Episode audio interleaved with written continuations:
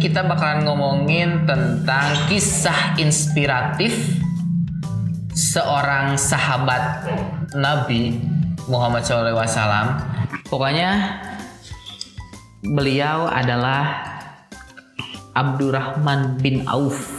Mungkin teman-teman juga kalau misalnya yang sering ngedengerin ceramah sih kayaknya familiar kan. Ya. Tapi kalau misalnya orang-orang yang agak awam, kayaknya ngedengar Abdurrahman bin Auf tuh jarang kali. Siapa Abdurrahman bin Auf? Hmm. Nah, kisah inspiratif yang bakalan Widi ceritain tuh tentang Abdurrahman bin Auf adalah cerita tentang Abdurrahman bin Auf pada saat beliau hijrah dari Mekah ke Madinah ya Kang ya. Hmm. Jadi pada saat Abdurrahman bin Auf itu pindah atau berhijrah dari Mekah itu Abdurrahman bin Auf nggak bawa apa pun karena pada saat Abdurrahman bin Auf mau hijrah itu dihadang oleh para kafir Quraisy pada saat itu terus suruh milih asalnya satu keluarga nih mau, mau, mau hijrah terus ditawarin sama kafir Quraisy wahai Abdurrahman bin Auf engkau kan seorang apa ya sodagar lah kalau bahasa sekarang mbak ya Sudah negara kaya. saudagar kaya raya Sultan ya? sultan Sultan. sultan nih di Mekah Sultan. Mm-mm. engkau memiliki banyak harta kalau misalnya engkau tidak mengikuti Muhammad semua hartamu nggak akan kita rampas Mm-mm. tapi kalau engkau mengikuti Muhammad hartamu yang ada di Mekah itu milik kami dan jawaban Abdurrahman bin Auf silakan ambil semua harta saya saya jalan kaki aja ke Madinah Berarti dari dulu preman eh, memang preman ya? ya sebenarnya nggak masuk logika ya. Harta-harta saham. Ya. Bener nggak sih orang? Tapi zaman sekarang juga baik yang gitu ya. Yang nyari harta siapa, punya siapa. nu ngahak sahaja bener Dan kejadian sampai sekarang sering. iya kejadian kayak gitu akhirnya Abdurrahman bin Auf pergi hijrah tetapi anak sama istrinya lebih memilih tinggal di Madinah dan di situ kalau secara Islam kan kayak talak ya Kang ya karena kan si istri udah nggak Nggak mau ikut suami. suami gitu kan jadi di situ akhirnya Abdurrahman bin Auf pergi seorang diri ke Madinah. ke Madinah. Sampai di Madinah, Abdurrahman bin Auf disambut meriah, disambut meriah, disambut meriah sama Nabi Muhammad SAW dan Nabi Muhammad SAW bilang bahwa beruntungnya beruntungnya engkau bahwa kau lebih memilih untuk hijrah, nggak memilih harta kamu yang di sana. Dan akhirnya pada saat itu kaum Ansor sama Muhajirin itu dipersaudarakan. Nah pada saat persaudaraan ini Nabi Muhammad SAW kan tahu yang orang kaya ya harus dengan orang kaya lagi gitu. Ya. Akhirnya Abdurrahman bin Auf dipersaudarakan sama aduh siapa ya kurang kurang kurang apa eh. Pokoknya ada orang Madinah di situ sama itu juga seorang saudagar kaya bahkan kekayaannya tuh orang ketiga terkaya di Madinah pada saat itu dan beliau bilang ke Abdurrahman Auf bahwa ambil setengahnya harta saya dan saya mempunyai tiga istri pilihlah salah satu kalau misalnya engkau eh, menyukai yang yang mana nanti saya ceraikan kan sampai kayak gitunya Kang Ya kalau pas zaman hijrah orang-orang Madinah memang kalau bahasa sekarang welcome ya. welcome Welcome banget gitu. Heeh. Sampai mau berbagi istilahnya Iya. kan berbagi hal yang menurut ya itu mah hal ini banget lah ya. Mm-mm. Harta istri pun mau. Harta istri wae tapi kan diberekeun. Terus suruh milih. Beda beda, beda kalau gini beda dikasih itu sama milih sendiri sama dikasih. Iya bener. Kan? Kalau milih sendiri kan? Kan kadang milih se- sendiri mah kalau kita kadang sok nggak nggak tahu ini ya nggak tahu malu. Iya. Kalau dikasih kan ya dikasihnya Iya. aja gitu. Kan kalau milih Eh, oh, oh pasti milih nu gelis kan gitu. Pasti mau milih milih nu alus yang bagus lah gitu kan. Nggak mungkin nu biasa-biasa Iya. wae. Akhirnya Abdurrahman bin Auf menolak semua tawaran tersebut. Terus dan lebih memilih apa lebih memilih tunjukkan Pasar. saya di mana pasarnya.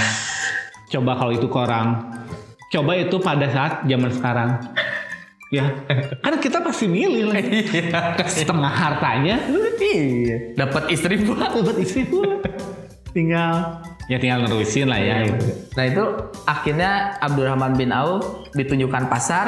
Pertama kali Abdurrahman bin Auf di sana tuh dagang cangkul. Hmm. Gitu kan. Maksudnya orang kaya nih dulunya di Mekah yang biasa mewah datang ke Madinah nggak punya harta sepeser pun dagang cangkul pada saat itu. Eta itu yang nggak adanya gengsi itu bener di Nah. situ gitu kan. bedanya pengusaha sama pekerja tuh gitu bener kan? Maksudnya. Dan kalau eh, yang namanya pengusaha tuh makanya dia harus nyobain dulu. Gitu maksudnya nyobain dulu jualannya apa. Iya. setelah nanti dia sukses dan dia ngelanjutinnya orang mah nggak masalah. Karena dia udah tahu seluk beluk tentang usahanya di mana. Meskipun dia nggak usah datang ke tempat usahanya Iya. tinggal diam di rumah juga tahu gitu. Makanya harus dari nol tuh gitu. Iya bener. enaknya usaha dari nol tuh. Karena kan kebanyakan juga kalau ngomongin tentang usaha ya teman-teman. Jadi ada beberapa orang, bahkan ada beberapa kejadian sama teman-teman Widin juga yang dulunya pekerja terus tiba-tiba sekarang jadi pengusaha lah gitu. Jadi di saat dia udah dia punya modal nih, terus dia cepat-cepat nyari pekerja, terus dia lepas. Ujung-ujungnya dia ditipu. iya gitu karena memang Karena nggak tahu kondisi Iya, terus di lapangan. kita kan kalau kebiasaan pekerja kan taunya kerja. Iya. gitu. Udah udah rutinitasnya gitu kan. Sedangkan kalau lagi jualan atau dagang, sebenarnya tuh ilmu itu banyak lagi di, Mm-mm. lagi dagangnya gitu kan. Jadi tipu orang Iya. gitu kan. Kejar-kejar preman gitu kan ya banyak ilmu-ilmunya di situ kan cara negosiasi sama pedagang gimana. Iya. Kalau langsung nyuruh orang sih sebenarnya ya bebas-bebas aja sih ya. Cuma kan kita nggak tahu. gitu. Iya, kita kan nggak tahu keuangannya gimana. Hmm, gitu. Nah, baik lagi nih ke Abdurrahman bin Auf. Akhirnya Abdurrahman bin Auf memulai dagang dengan jualan cangkul. Mm-mm. Terus dengan cara nih, kita ngomong ini dengan caranya gini. Di Islam itu sebenarnya yang namanya hutang itu boleh. Boleh Asal tidak ada bunganya, Mm-mm. gitu kan. Abdurrahman bin Auf pada saat itu berutang kan. berutang dulu. Saya ambil 5 cangkul, nanti setelah ini terjual saya bayar, Hmm. gitu kan. Jatuh tempo, gitu kan. Tapi tidak ada bunga di situ. Jadi halal. Sebenarnya jadi hukumnya itu hukumnya lebih ke hutang. Cuman zaman sekarang hutang itu identik dengan bunga. Jadi kita tuh kalau ngomongin kredit, ah nggak deh nggak kredit. Bukan masalah hukum hutangnya, tapi hukum ribanya yang kita hindari gitu. Karena kalau nggak ada bunganya kan nggak ada keuntungannya, mungkin itu gitu. Ya kan sebenarnya keuntungannya dari situ kan. Iya sih. Cara cepat, Iya. gitu kan.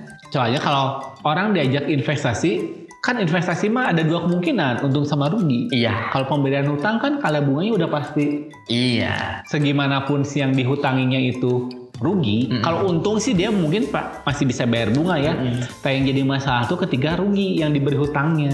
Mm-mm. Ya jangan untuk bayar bunganya, untuk bayar pokoknya aja karena rugi kan Iya. nggak ada. Makanya yang memberatkan sebenarnya hutang ada apa? Ya kredit ada bunganya tuh itu sebenarnya. Iya, Makanya Islam melarang itu. Gitu. iya itu makanya.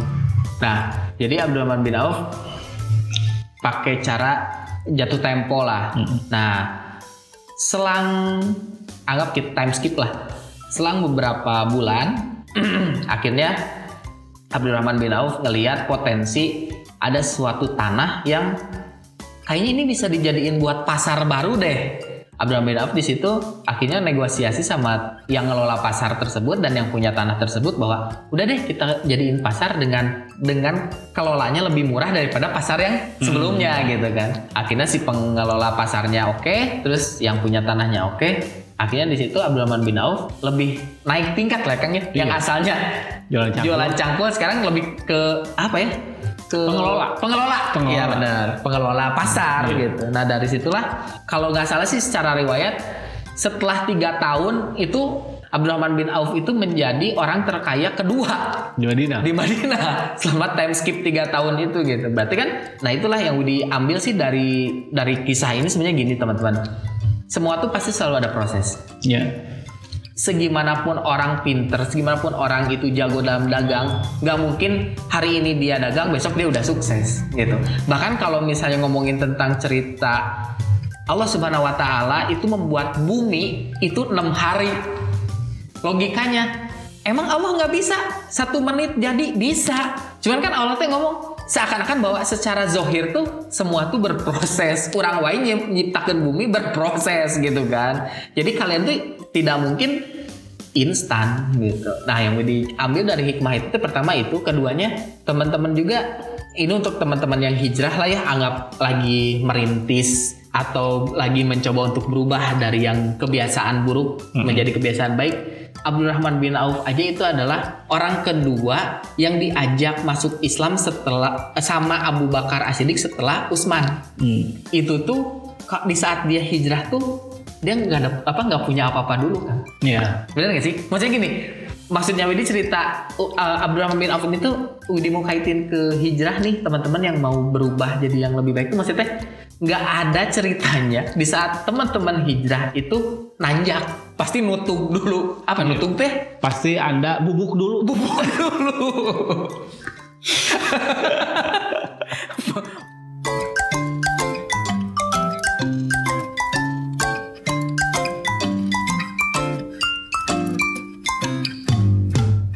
Pasti eh, jatuh dulu lah gitu. Nggak mungkin. Kalau Widi sih bukan nggak mungkin. Mungkin ada kali. Cuman eh, Dia paling berapa persen? Iya ya. Abdurrahman bin Auf aja ini orang yang ya anggaplah keimanannya lebih dari kita kali. Hmm. Tapi sama Allah kan sok milih mana harta atau ngikutin Muhammad. Terus di saat nyampe Madinah nggak punya apa-apa gitu. Terus untuk jadi orang kaya lagi butuh berapa? Tiga tahun. Iya maksudnya nggak bisa dia langsung tiba-tiba oh saya kaya lagi sama Allah tuh dikasih kaya lagi kamu kan enggak ya maksudnya nggak dalam waktu cepat Hmm. Tapi ini juga ada cerita, ini saya lupa eh ceritanya Abu Bakar, eh Abu Bakar, Abu Rahman bin Auf atau bukan. Jadi ada satu orang, satu orang kaya, saya lupa di Madinah, Heeh. apa di Mekah, saudagar kaya gitulah, dia orang paling kaya. Dia bingung, setiap dia sedekah, misalnya sedekah dua nih, dua dua dua kali, sudah hartanya datang jadi empat kali. Abdurrahman bin Auf Ya itu kan itu kan. Takut salah cerita. Akhirnya sampai beliau tuh bingung. Jadi setiap dia sedekahkan ada lagi, sedekahkan ada lagi gitu. Akhirnya dia membeli semua kurma yang busuk. iya Betul kan? Dia akhirnya membeli kur semua kur. Karena kenapa? Karena dia takut dihisab. Iya. Hartanya banyak. Iya. Makanya akhirnya dia belanjakan semua hartanya untuk membeli kurma yang busuk. Otomatis kan dia seneng dong. iya Kan kurma busuk kan nggak bisa dijual. iya Bener kan logikanya gitu kurma busuk nggak bisa dijual. Ah berarti harta saya habis nih Iya. gitu kan pemikirannya kan gitu. Dibelilah semua kurma busuk yang ada di daerah eh di Madinah apa di mana ya? Itu pokoknya di daerah Ya. tersebut semua dibeli sama dia akhirnya dia nggak punya apa-apa. Tiba-tiba itu kan yang namanya ya namanya orang baik kan tiba-tiba ada negeri di Irak kalau nggak salah apa di Iran lagi terserang wabah iya dan obatnya cuman kurma busuk. busuk iya iya obatnya cuma kurma busuk itu. Akhirnya mau nggak mau kan, di, kan itu buat obat. Iya. Dibeli lagi, kaya lagi. lagi Makanya ada nih di suratnya. Allah akan melimpahkan rahmat dan kebahagiaan bagi orang yang berbuat baik. Iya. Ya, itu tuh ada di surat Al-Araf ayat 56. Jadi nggak perlu khawatir, Allah akan selalu melimpahkan rahmat atas kebaikan yang kamu perbuat. Sesungguhnya rahmat Allah sangat dekat kepada orang-orang yang berbuat baik tuh. Mm. Kan gitu. Iya, berbuat baik padahal niatnya kan cuma buat ag- agar nggak dihisab. iya Tapi karena emang niatnya bener kan niatnya. iya benar karena Abdurrahman bin Auf tuh sempet dapet beliau tuh melakukan itu tuh alasannya karena Abdurrahman bin Auf sempet dapet hadis dari Rasulullah ke Aisyah bahwa Abdurrahman bin Auf itu nanti di sirat di Paling lama. Siratul Mustaqim ya.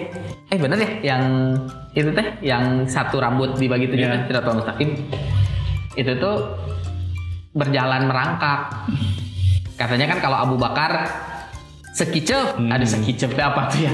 Se Sekedipan mata. sekedipan mata gitu kan. Terus Umar tuh kayak naik kuda gitu. Iya. Tapi pas Abdurrahman bin Auf merangkak kan ngegebek gitu wah eh, enggak orang wah nanti saya ngerangkak eh Itu teh nggak jatuh ya? nggak jatuh Nggak jatuh. ngerangkak baru ngerang, gara-gara ngerangkak doang. Karena hisabnya berat karena masalah hartanya makanya di situ Abdurrahman bin Auf wah saya, saya saya pokoknya gimana caranya saya harus miskin Iya, gitu kan. gitu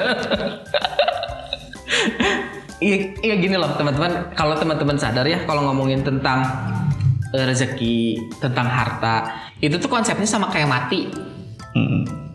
kalau kalian ngomongin tentang mati, kalian mau sembunyi di mana pun, kalau udah waktunya mati ya mati.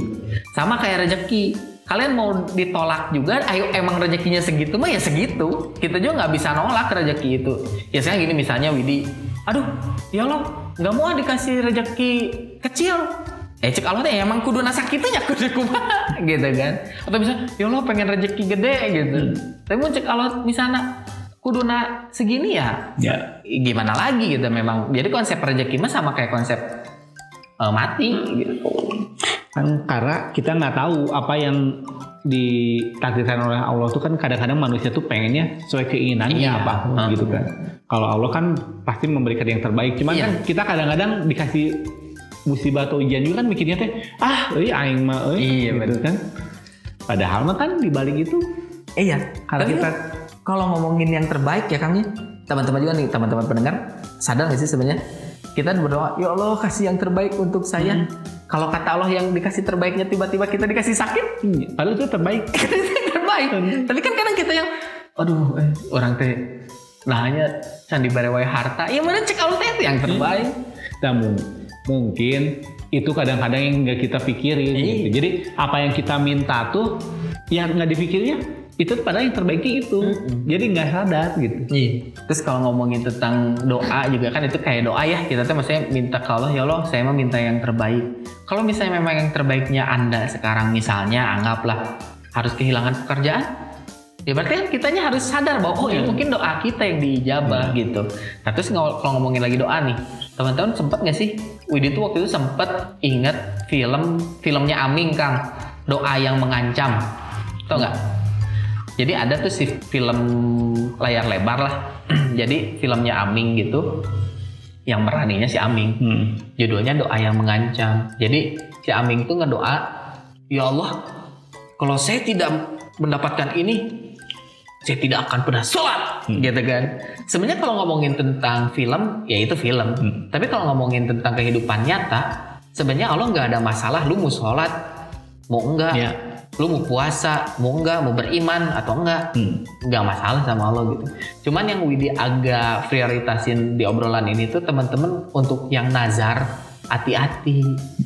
Kalian teh nazar atau ngancem Allah. Sekarang gini logikanya. Ya Allah, kalau saya masuk ke kedokteran, nanti saya mau puasa tiga hari. Terus kata Allah, "Lah, terus penting gitu buat gue. Iya maksudnya gini loh. Berarti kan kalau misalnya saya nggak keterima, kalau misalnya Allah nggak nggak terima nih kamu, udah kamu nggak usah masuk ke fakultas kedokteran. Mau ngapain? Hmm. Kan seakan kan ngancem Allah kan maksudnya gini. Ya Allah, saya pengen masuk ke fakultas kedokteran. Nanti kalau misalnya saya masuk, saya puasa deh. Tapi kalau nggak masuk, kalau kata Allah, ya saya nggak puasa. Ya terus ngapain? Jadi ada ada pola pikir Widi yang bahwa kayaknya nazar gitu salah deh Hmm. kalau kata Widi harusnya nazar nih kalau Widi ya nazar ya Allah Widi bakalan puasa Senin Kemis mulai hari ini. Moga-moga doa saya dikabul.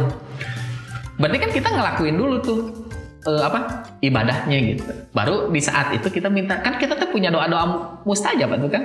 Pada saat hujan Mm-mm. pada saat beres puasa pada saat safar pada saat berdiri pada saat sholat kan? Pada saat sujud. Kan berarti sebenarnya kalau ngomongin nazar yang ngancem Allah sih kalau kata Widi nonsen ya Ya mungkin kadang-kadang itu yang nggak dipikirin tuh gitu. Ya kan kalau kita kan di obrolan kita tuh kadang-kadang ada hal-hal yang kebiasaan yang diucapkan itu lumrah. Cuman kalau diucapkan diulang lagi diulang lagi tuh ternyata salah maknanya gitu maksudnya. Ya, karena gini, kan Widi sempat berpikir juga nih, kalau teman-teman sadar ya, kenapa orang Jepang itu hampir semua ritual agama itu mereka lakuin. Sok di Jepang, mulai dari Natal mereka lakukan, mulai dari apa? eh ya Hindu Buddha mah pasti kan, mereka memang bisa. Cuman kenapa mereka tidak mengadopsi kebudayaan Islam?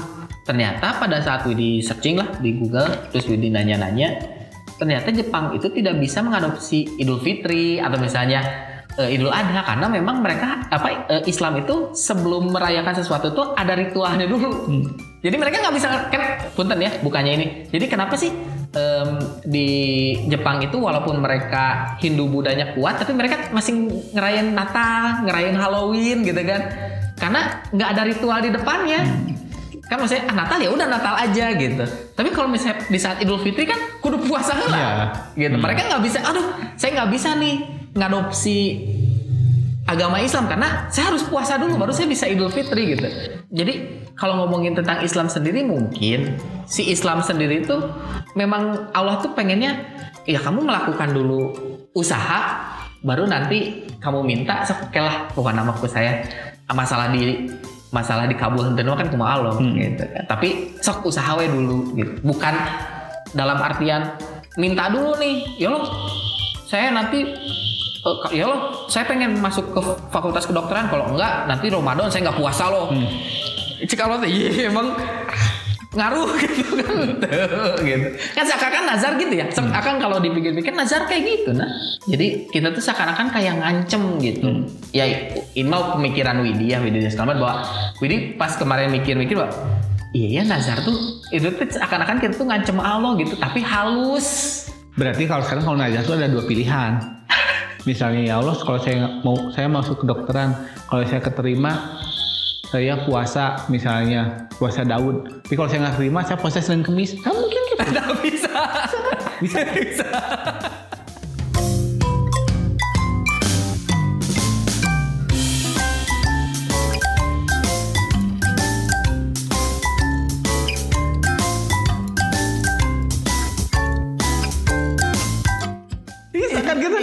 bisa Coba bisa. gitu, coba di- bisa aja.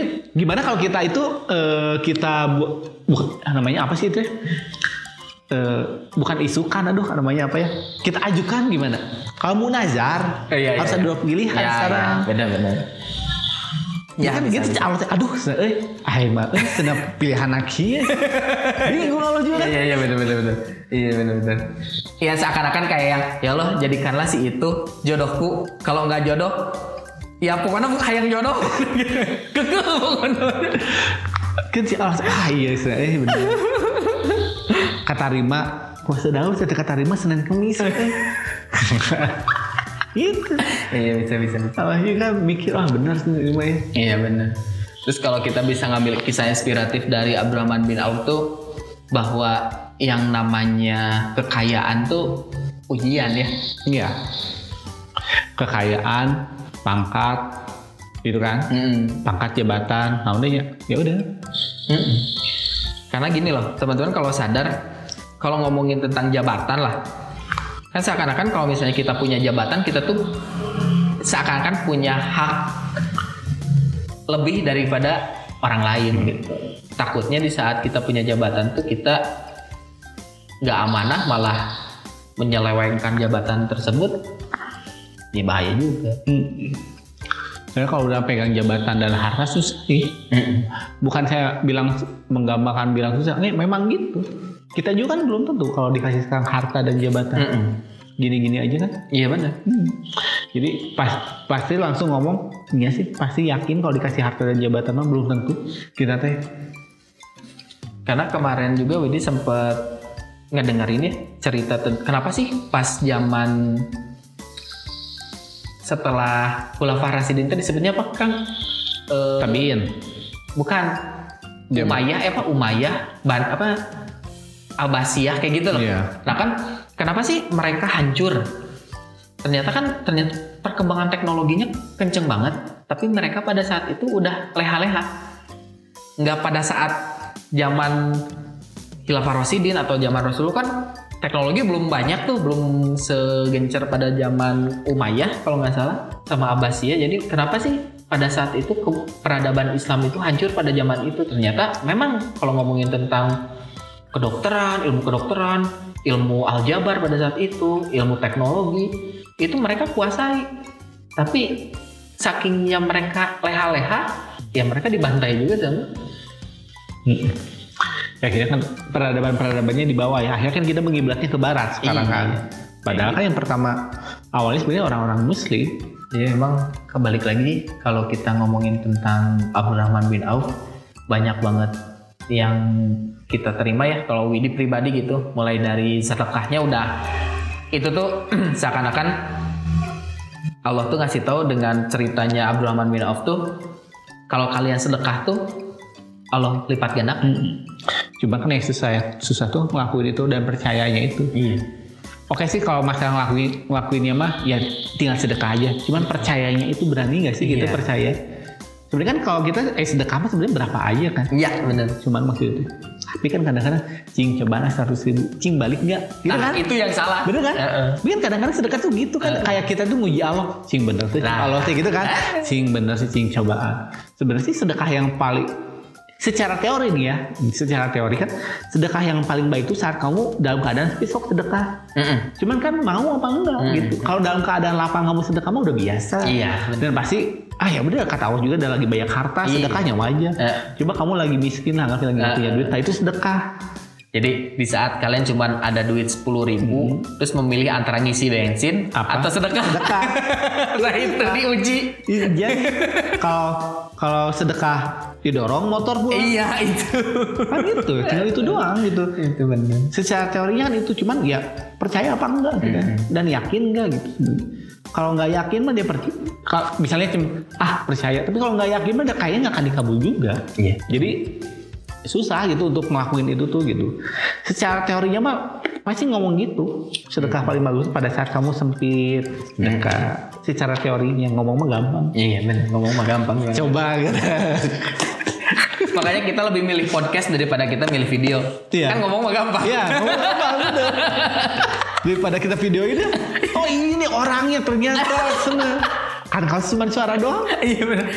Saya menginspirasi, menginspirasi. Akan cuma ngomong doang. ngomong doang. Makanya kita ngasih tahu. Mudah-mudahan dengan obrolan kita kan ada yang oh iya bener ya kata dia Iya, gitu kan maksudnya. Kita sebenarnya ngasih pola pikir baru aja ya. Gitu Iya. kan. Ya siapa tahu teman-teman ada yang tergugah. Dan ada juga yang otaknya tisaledat sedikit kali ya dengan kita. Oh iya bener. bener. Nah, iya. Sengklek oke. Nah, iya. Jadi ya kalau di ini ya rangkum jadi kisah inspiratif Abdurrahman bin Auf tuh pertama kita ngambil dari cerita hijrahnya bahwa memang di saat kita percaya tentang Allah Subhanahu wa taala Allah bakalan ngasih jalan yang terbaik lah Kang ya. Ya apa pun pasti lebih milih condongnya ke janji Allah. Karena ada ada pemikiran ini gini loh. Kalau teman, ini ada lagi pemikiran teman-teman mungkin ada yang sadar ada yang enggak. Di saat kita percaya misal nih kata Quran atau kata Rasul tuh mabok tuh nggak boleh Hmm. meminum hammer itu nggak boleh. Terus ada orang yang misalnya, ah enggak, saya mah enggak gitu. Kalau ini berpikir bahwa mungkin orang itu berpikir bahwa oh Allah sama Ras Allah sama Rasul teh bohong. Hmm. Ya kan bisa gini, kata Nabi teh tolong hindari riba atau misalnya di Qur'annya di Al-Baqarah tolong hindari riba itu tuh nanti bakalan membuat kamu lebih sengsara di dunia sama di akhirat. Kan kalau kita percaya itu berarti kan kita percaya apa yang Allah sama Nabi omongin kan. Tapi kalau misalnya orang yang percaya kan seakan-akan bahwa eh bohong. Hmm. Logis gak sih? Maksudnya gimana kalau kita nggak ibaratinnya gitu deh. Jadi di saat kita nggak percaya, misalnya nih, eh mana tuh ulah maling, temenang cek Allah cek ya apa kata Allah sama kata Rasul gitu. Kalau kita iya makan, oh berarti kita percaya. Tapi misalnya nggak percaya kan seakan-akan bahwa wah bohong. Berarti kan nganggap omongan Nabi jeng Quran teh yang di dalam Quran teh bohong kan? Hmm. Ya maksudnya simpel deh, kita nggak usah ngomongin hukum. Ay, hukum mah kan jelas hukum. Siap ya. Eh, eh main musik, eh, main itu nggak boleh. Wah main nunggu tuh menang. ya ya gitu gitu ya. ya. Kayak minum alkohol. Alkohol teh nggak boleh tuh. Main nunggu tuh menang. Kan gitu. Iya, iya. aja. Iya, heeh. Kamu jangan main pelajar. Iya kan ini menang, nah nggak tuh menang. Iya. Iya benar benar. benar. Iya kayak gitulah. Nah, kayak gitu.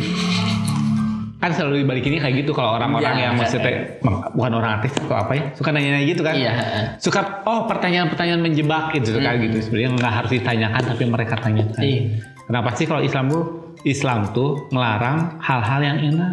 Iya. Kan miras mungkin ya sebagian yang suka ya Iya. aja gitu. Narkoba, seks bebas, Iya benar. apalagi ya banyak kan hal-hal ya itu. Tapi sebenarnya nggak boleh. Dan bener nanti di surga boleh ya. Iya. Ya pokoknya kan ya namanya ujian atau Kang. Kira padahal ya Iya. paling paling dari 100 tahun itu di dunia. Kan 100 tahun di dunia paling sedetik bener di akhir kan satu hari Iya, di puluhan. akhirat seribu tahun di dunia. Itu kan banyak orang yang belum percaya ke situ. Mm-mm. Ya, jadi kisah inspiratifnya itu tentang hijrah, terus keduanya yang namanya sedekah mah insya Allah Allah ganti. Yang ketiganya bahwa selama kita memang percaya ya kita harus ikhtiar. Iya, ada ikhtiar mah wajib, Wajib itu mah. itu mah. Terlepas dari hasilnya ya. Mm-mm. Karena kita nggak tahu kapan Di ikhtiar yang keberapa Iya. kita akan berhasil. Itu maksudnya. itu. Jadi ya teman-teman juga moga-moga dengan kita ngobrolin tentang Abdurrahman bin Auf radhiyallahu anhu tuh terinspirasi juga kayak kita terinspirasi sama Abdurrahman gitu. Jadi jangan jangan takut untuk sedekah karena intinya mah jangan pernah ngitung ya kan. Iya, kalau ngitung mah ada pasti selalu kurang. Da yang namanya sedekah mah sebenarnya nggak harus uang ya. Iya. Tenaga juga bisa disedekahin.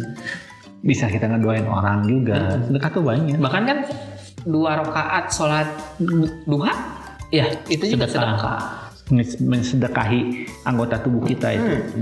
Oke, mungkin udah lama juga kita ngobrol. Hari ini kita ngebahas tentang kisah inspiratif Abdurrahman bin Auf di episode keempat hashtag pejuang kebaikannya podcaster Indonesia. Terima kasih udah ngedengerin. Wassalamualaikum warahmatullahi wabarakatuh.